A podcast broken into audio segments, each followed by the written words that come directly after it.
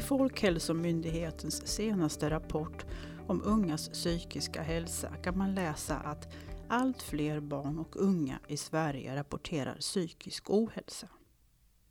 Sedan mitten av 1980-talet har andelen unga som uppger att de har återkommande psykosomatiska symptom fördubblats. Och nästan hälften av 15-åringarna har den här typen av besvär. Också Försäkringskassan rapporterar om ohälsa. I deras sammanställning från 2016 kan vi läsa att antalet sjukfall ökade mellan åren 2010 och 2015. Och det var de psykiatriska diagnoserna som ökade mest. De står för 59 procent av hela ökningen. Och det har väl knappast undgått någon att vi idag översköljs av reklam för olika online-spel. Spel som klassas som högriskspel eftersom de anses vara starkt beroendeframkallande. Och för den som fastnar i spelberoende innebär det inte bara ekonomiska problem utan det leder ofta också till sociala och psykiska problem. Att höra det här kan kännas nedslående men det görs faktiskt en hel del för att förebygga psykisk ohälsa och att vända den här trenden. Du lyssnar på en podd från Vetenskap och hälsa och jag heter Eva Bartonek. För att få reda på mer har jag träffat några läkare och forskare och bett dem berätta vad som görs inom deras respektive specialområden.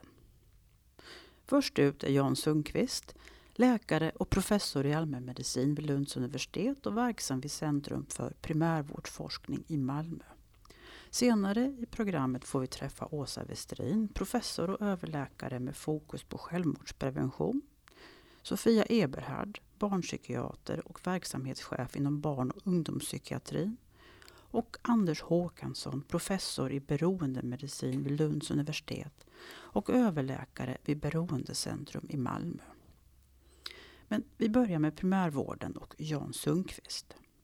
Han har i sin forskning visat att ungefär var åttonde patient som besökte primärvården fick en depressionsdiagnos.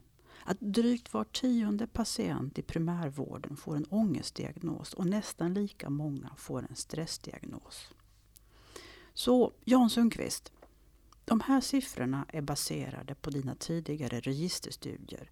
Men vad är den vanligaste orsaken till de här vanliga diagnoserna? De stressrelaterade besvären är ju de stressrelaterade besvären och de kan ju vara en anknytning till stress i familjen, stress i livet, stress i arbetslivet också. Medan depressionerna kan ju vara mer genuina depressioner. Även om de inte har den svårighetsgrad som man ser i psykiatrin så är de ju tillräckligt svåra i alla fall. Och här finns det ju en depression i form av att de kommer inifrån en själv, en sorts endogenitet, eh, att de är endogena, att de eh, har sin grund i ärftliga förhållanden, någonting som bara dyker upp helt enkelt. Att vi vet inte orsaken. Sen är det ju också ett problem att vi känner inte till tillräckligt mycket om riskfaktorer för depression. När det gäller hjärtinfarkt så har vi massor av kunskaper som vi tillämpar idag och insjuknandet i hjärtinfarkt sjunker.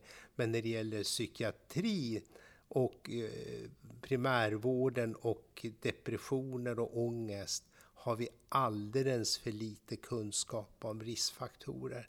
Därför kan jag nästan inte riktigt svara på den frågan. Det krävs mycket mera forskning till det. Förutom de som har de mer stressrelaterade besvären, för då säger det sig själv att det är stressrelaterat.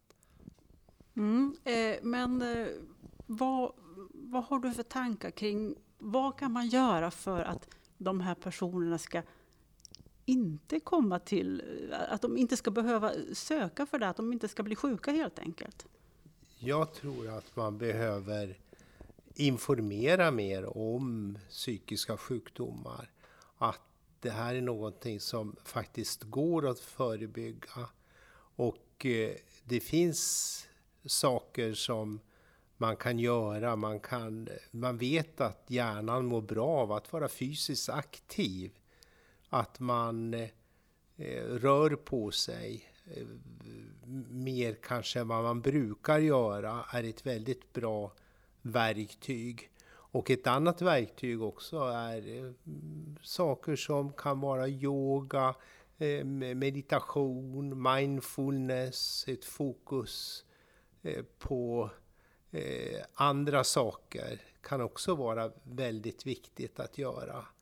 Så att eh, det har man ju visat också att förebygga ett återinsjuknande i depression och eh, är visat i England vid Oxford universitetet att man kan eh, Eh, göra en behandling i primärvården som bygger också på mindfulness. Mindfulness kognitiv beteendeterapi har visat sig vara ett utmärkt instrument att förebygga depression. Lika bra som att ha en långtidsbehandling med antidepressiva.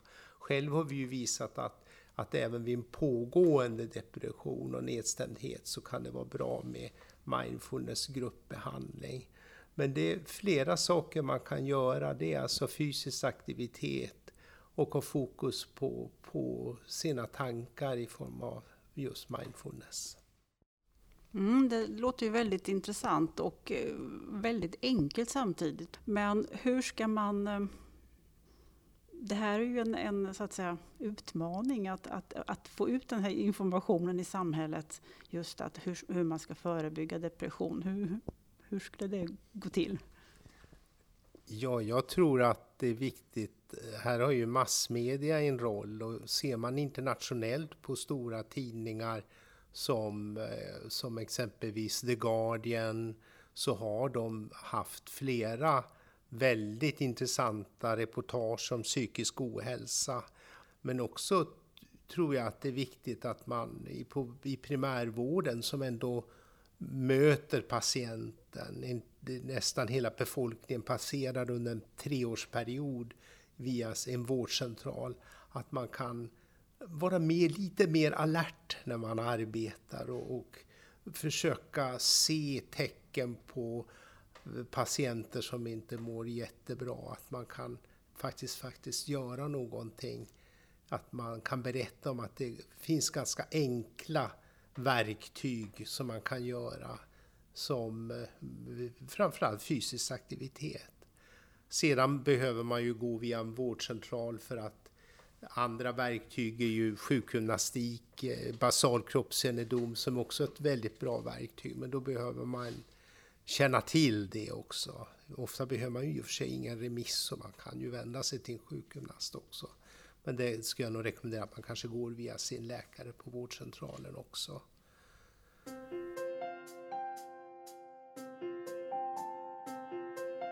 Det här var Jan Sundqvist, läkare och professor i allmänmedicin vid Lunds universitet och verksam vid Centrum för primärvårdsforskning i Malmö.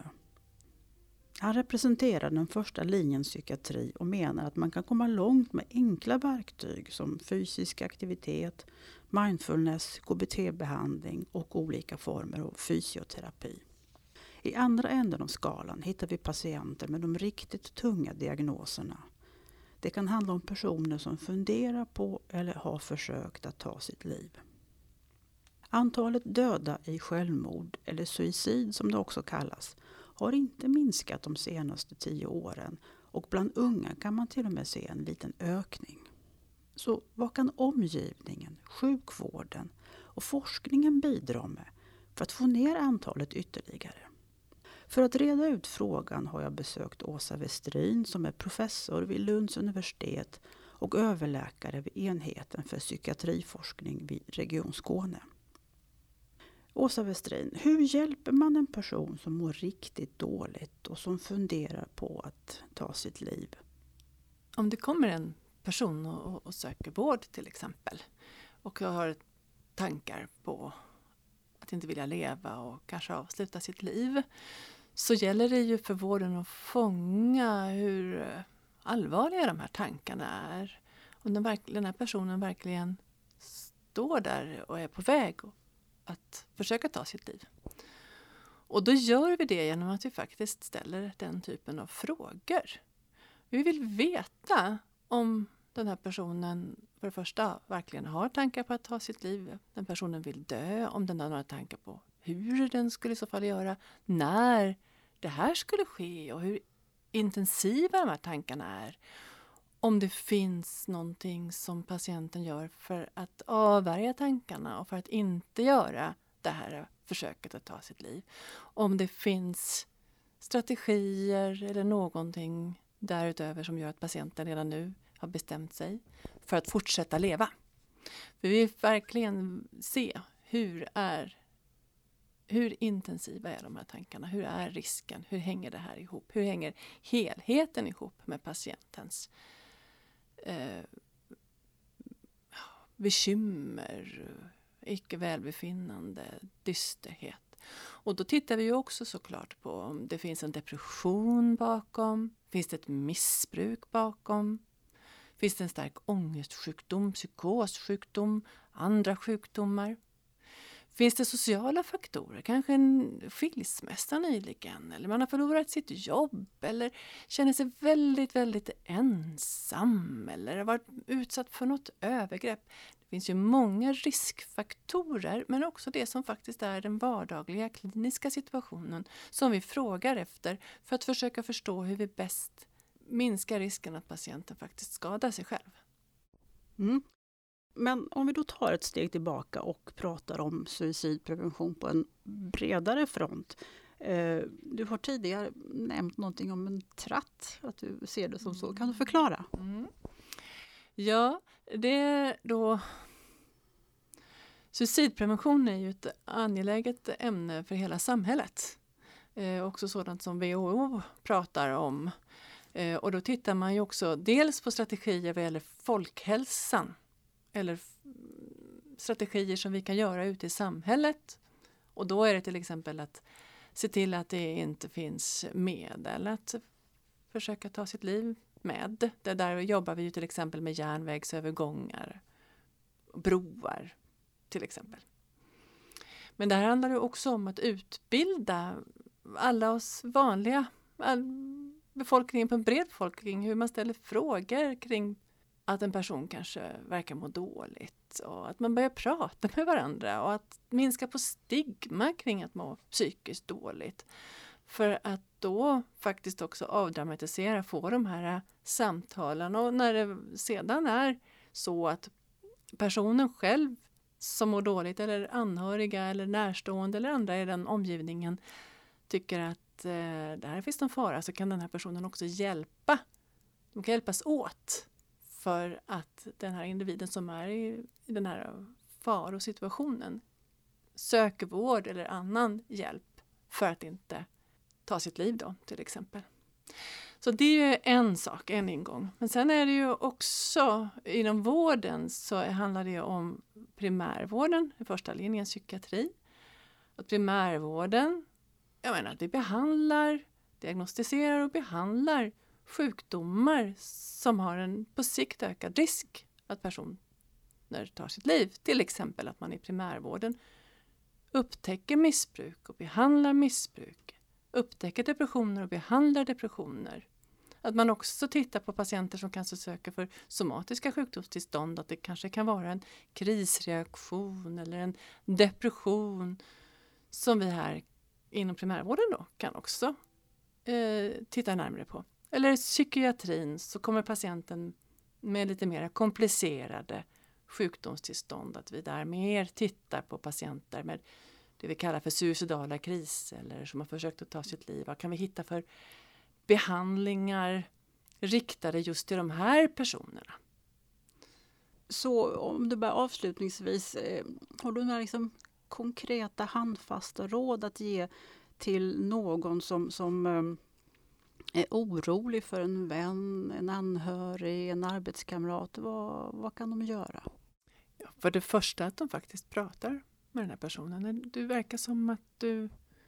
Det, det ser ut som att du inte mår så bra. Är det något du kan berätta, vill berätta för mig om det här? Till exempel kan man ställa den typen av fråga. Att man liksom öppnar upp för en dialog eh, först.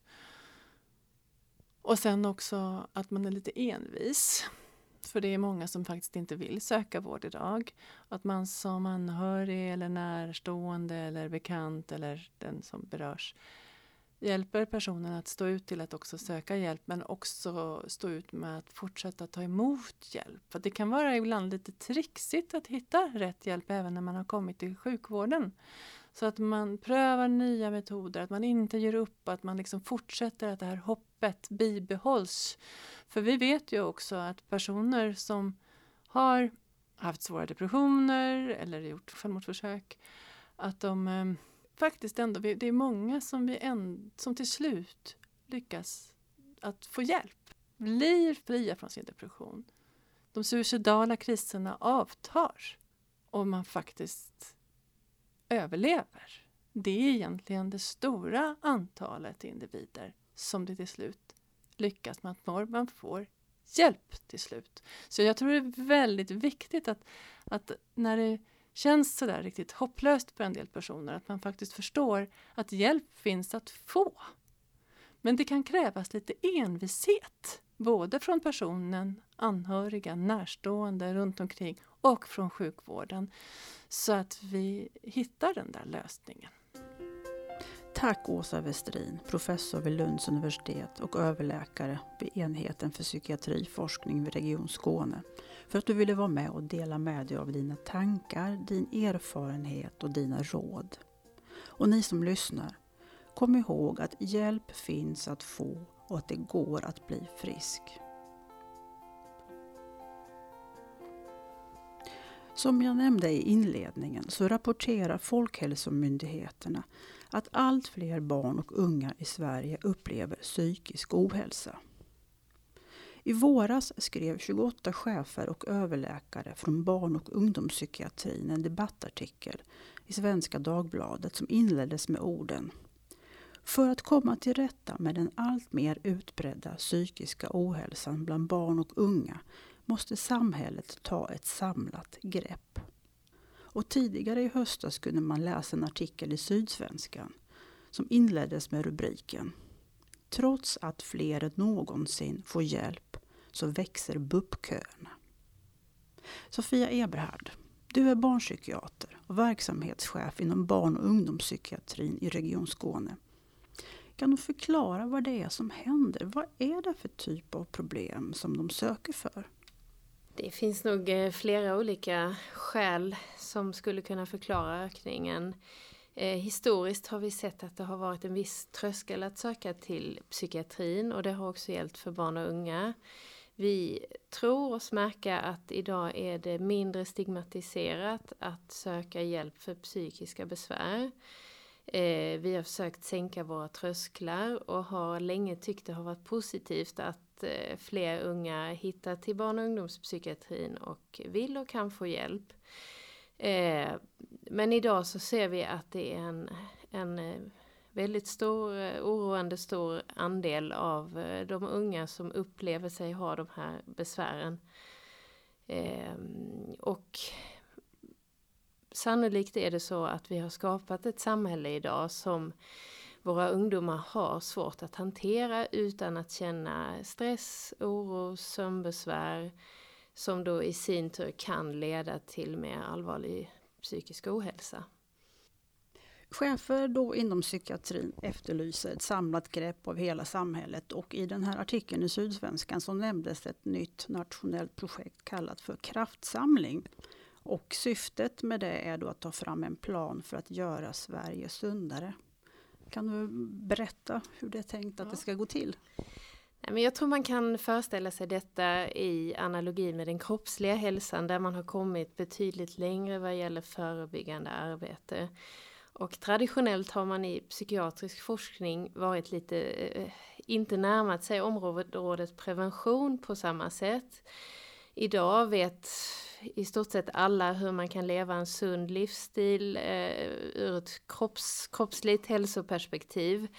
Eh, det är välkänt och det är också förknippat med positiva attribut. Eh, i, I den eh, psykiska hälsan har man eh, också vad gäller forskning och behandlingserbjudanden har det handlat om att behandla sjukdomstillstånd och fokus har inte legat på att förebygga. Eh, det som eh, nu introduceras med kraftsamlingen från SKL bland annat eh, Eh, vill då trycka på framförallt det förebyggande arbetet. Och man har lite grann eh, dragit parallellen med vaccinationer, att man eh, skulle kunna vaccinera ungdomar eh, i tålighet, resilience används ofta i detta, motstånds, att öka ungdomars motståndskraft. Eh, och då tänker jag, kan du ge något konkret exempel på det? För det låter ju, alltså det här när du säger vaccinera mm. mot, mm, mot mm, psykisk ohälsa, men hur skulle det ja. gå till rent konkret? Ja men precis. Vi, vi tänker då, eller fokus i kraftsamlingen är också att alla arenor där ungdomar finns, allt från BVC, eh, eh, förskola, skol och elevhälsa eh, till primärvård och specialiserad psykiatri. Att här finns många aktörer som möter ungdomar. Och eh, dessa aktörer behöver förmedla hur man kan leva en, en livsstil som, som gör att man kan, kan orka mer. Ett, ett sånt, eh, en aspekt i det är att eh, förmedla tidigt och tydligt att livet kommer vara kantat av medgång och motgång. Eh, och att en, en motgång kan absolut leda till normala reaktioner på detta i form av kris eller tillfälligt sänkt mående men att, att det då inte är eh, psykiatrisk problematik. Och hur kan man då hantera de motgångar som vi alla kan, eh, upplever under ett livsspann. Och då är det rätt så basala saker som, som vi tänker är för lite kända. Vikten av en regelbunden dygnsrytm, vikten av eh, tid och aktiviteter för återhämtning, vikten av att um, omge sig med bra, bra vänner och vuxna. Eh, kost och inte minst då motion som lyfts fram allt mer som en jätteviktig faktor för att bygga just den här motståndskraften. Eh, så jag, eh, det är en, en liten skift av mindset här också i det psykiatriska arbetet där vi eh, nu närmar oss frågeställningar som mycket mer handlar om förebyggande arbete och det finns de som pratar om att ämnen som till exempel livskunskap behöver introduceras med regelbundenhet i kanske redan förskola och i skola. Eh, man pratar mycket om hälsosamma levnadsvanor men ofta då med fokus på den kroppsliga hälsan. Och här behöver man börja prata om eh, den psykiska hälsan också. Hur kan vi stärka psykisk hälsa hos ungdomar och stärka motståndskraft? Mm. Så, så alla så att säga som möter ungdomar på något sätt ska hjälpa till i det här, låter det som. Det tror vi och det är också en viktig signal att, eh, att även den friska sidan bidrar. För att ibland idag blir det så att, eh, att man nästan behöver sjukförklara för att få hjälp. Eh, och vi har mycket gruppbehandlingar, vi har även den första linjens barn och ungdomspsykiatri i våra verksamheter och kan då erbjuda den här typen av insatser. Men vi menar att, att det borde komma mycket, mycket tidigare innan man har utvecklat sjukdomssymptom. Menar du med det att många som så att säga står i den här BUP-kön idag egentligen inte borde vara där utan kanske få hjälp av andra instanser? Eh, eh primärvården, mm. skolsköterskan. Mm. Det är ju jättesvårt att säga och eh, eh ja, det skulle föra för långt. Men framförallt tänker jag att många kanske inte hade behövt hamna i BUP-kön om de eh, mycket tidigare hade fått verksamma mm, verktyg eh, att använda vid motgång, vid stress, vid eh, kanske osämja i nätverket, vid förlust av nära anhörig. Också sånt som idag vet vi att det är en ökande ensamhetsproblematik i alla åldrar. Att vi behöver lära ut att det här att ha ett socialt sammanhang, att ha andra friska människor runt omkring sig som kan stötta och vägleda är ett gott sätt att förebygga kanske att hamna i BUP-kön. Tack Sofia Eberhard, barnpsykiater och verksamhetschef inom barn och ungdomspsykiatrin i Region Skåne för att du ville komma hit.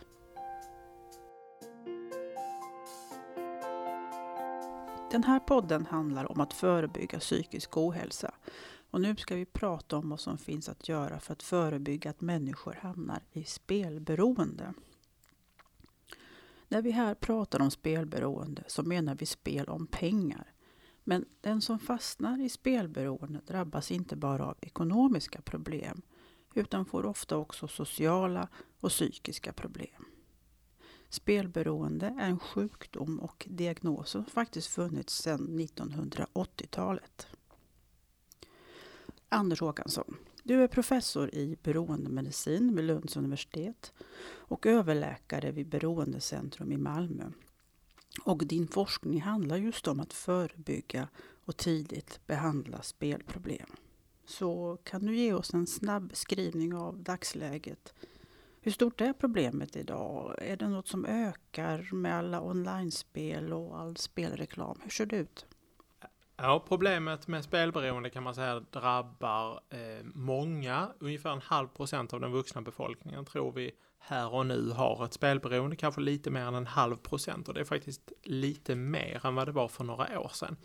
Det här är vanligare än så i vissa grupper, ganska mycket vanligare så, än så bland unga män till exempel. Men det finns en oroväckande trend där problematiken ökar bland kvinnor, framförallt lite äldre kvinnor. Så eh, vad är det som så att säga, görs idag för att, man ska, för att förebygga att folk inte hamnar i det här spelberoendet?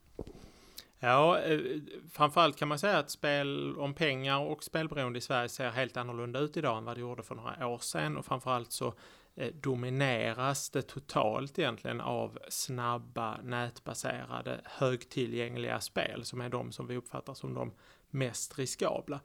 Så att det som görs idag eh, är en del, till, en, till en del en anpassning till det, men det skulle behövas väldigt mycket mer. Något som har börjat göras handlar om att titta på lagstiftning kring förebyggande och kring reglering av spelreklam på samma sätt som det finns regleringar kring alkohol och tobaksreklam. Men det är viktigt att säga att det finns mycket kvar att göra på det här området för det kan, det kan inte få vara så som det är idag. Men finns det liksom några fler konkreta exempel på vad som görs? Jag tänker att det, man pratar om attityder, hur man pratar om spel och så. Mm. Jo men eh, precis så är det. Så att vi, något som verkligen görs är att vi försöker få in spel om pengar i samma tänk som cigaretter, alkohol, droger, det vill säga som en av ohälsofaktorerna eh, som man då kan jobba med, kanske i primärvården, kanske i skolhälsovården, kanske i alla andra typer av, av sammanhang där vi är, vi är vana vid att prata om sånt som skadar hälsan och som vi behöver vara, vara vaksamma på som människor i, och, i, och i vår, vår omgivning. Och att spel om pengar får lov att få en plats där. Det vill säga att i ett sammanhang där man tänker att jag ska nog fråga den här personen, kanske en, en, någon som jobbar på en vårdcentral som ska fråga en person om, om hans eller hennes hälsovanor. Så om det är naturligt att fråga om rökning och alkohol och kanske droger, ja då kanske det också är naturligt att fråga om hur man förhåller sig till spel om pengar. Mm. Eh, när jag förberedde den här podden så, så, snubblade jag över ett uttryck som heter förebyggande självtvång. Vad är det för något? Jag tror att det eh, handlar om möjligheten att stänga av sig och att, att helt enkelt sätta stopp för sitt eget beteende. Det vill säga att om man, kom, om man får lust att spela eller om man återfaller i någonting som faktiskt är ett beroende så ska det inte vara möjligt helt enkelt. Det finns, en, en eh, det, det, finns eh, ett visst forskningsstöd ska man säga för det, även om det inte är sådär väldigt beforskat. Men eh, det, det är absolut så att sen, sen 1 januari i år så finns den möjligheten i Sverige att blockera sig från alla typer av lagliga spel. Och det har haft väldigt stor betydelse och har stor betydelse, även om det absolut inte är hela, hela lösningen. Vi har pratat om förebygga, men, men din forskning handlar också om att tidigt behandla. Och jag tänker att det som är gemensamt för alla sjukdomar egentligen, det är att tidig upptäckt ger möjlighet till tidig behandling, ökar chansen att bli botad. Eh, och då tänkte jag, vad finns det för liksom tidiga tecken på ett begynnande spelberoende och vad är det man sätter in då? Mm. Eh, ett tidigt tecken är ju att man som individ spelar för mer och förlorar mer än vad man hade tänkt sig och mer än vad man hade råd med. Och har man ett beteende där man upprepade gånger liksom hamnar i ekonomisk knipa och måste, måste rädda sin e-, egen ekonomi på grund av att man har spelat mer än vad man hade tänkt, då, då är det ju absolut en varningssignal. Så det här är ju sådana saker som man skulle kunna fråga om i olika typer av vård och myndighetskontakter. Och det, då behöver det inte alls handla om ett etablerat spelberoende utan det kan handla om att möta personer som börjar hamna i den fällan. Det finns det helt andra huvudmän i samhället som behöver involveras i detta och det handlar ju om de som lånar ut pengar, de som jobbar i finans och, och lånebranschen och där man också både från myndighetshåll och kanske i branschen behöver titta på hur, hur jobbar man med att identifiera, tidigare identifiera de personer som har så stora spelproblem att det, att det inte är rimligt att de får låna får möjlighet att låna pengar och, och, för, och för, som, som så att säga fortplantar och, och driver det här problemet vidare. Hur ser framtiden ut? Vad, vad tycker du skulle vad behöver vi bli bättre på? Vad, vad mer behövs för att få ordning på det här problemet? Ja, vi behöver bli bättre på två olika plan. Det ena handlar om behandling och det andra handlar om reglering och förebyggande. Och på behandlingssidan så behöver vi fortfarande bygga ut, eh, bygga ut behandlingen, bygga ut den tidiga screeningen i både socialtjänst, primärvård, andra typer av sjukvård, i psykiatrin, eh, egentligen i alla sammanhang där man möter personer som mår dåligt eller riskerar att göra det. Eh, så där, där, finns ett jobb kvar att göra som handlar mest om implementering egentligen av sånt som vi tror att vi redan vet, det vill säga hur, hur man ska jobba behandlingsmässigt. Den andra delen handlar ju om reglering och för det förebyggande arbetet. Och där finns ganska mycket kvar att göra. Dels behövs det forskning, men det behövs ett, ett rejält eh, omtag när det gäller förhållningssättet till reklam och exponering av spel om pengar. Eh, det är inte rimligt att den, den spelform som vi uppfattar är den mest beroendeframkallande också är den som syns allra mest i media och det är också den som vi, som de allra flesta patienter som söker vård Eh, Eh, med spelberoende berättar att, att det är just den, spelproblem, den spelformen som är deras bekymmer. Det, det är otillfredsställande och där behöver, vi, där behöver man göra någonting. Dels lagstiftningsmässigt men också i attityderna i samhället kring den här typen av spel. Tack Anders Håkansson för att du kom hit och svarade på mina frågor. I den här podden har vi pratat om vad det finns för möjligheter att förebygga psykisk ohälsa. Vi har pratat om vad primärvården och barn och ungdomspsykiatrin gör. Vi har fått höra vad som görs för att få ner antalet självmord och vad som finns att göra för att förhindra att människor hamnar i spelberoende. Den 5 november kommer Vetenskap och hälsa ut med ett nytt temanummer av sin tidskrift med samma namn. Och temat för höstnumret 2019 är psykisk ohälsa att förebygga och behandla. Det är också temat för Forskningens dag som går av stapeln den 5 november i Malmö och 6 november i Lund. Evenemanget i Lund kommer att filmas och kunna ses både i direktsändning och i efterhand på vår hemsida. Mer information om Forskningens dag och om tidningen hittar du på vår hemsida www.vetenskaphalsa.se. Och detta oavsett om du lyssnar på det här före den 5 november eller senare. Tack för att du har lyssnat.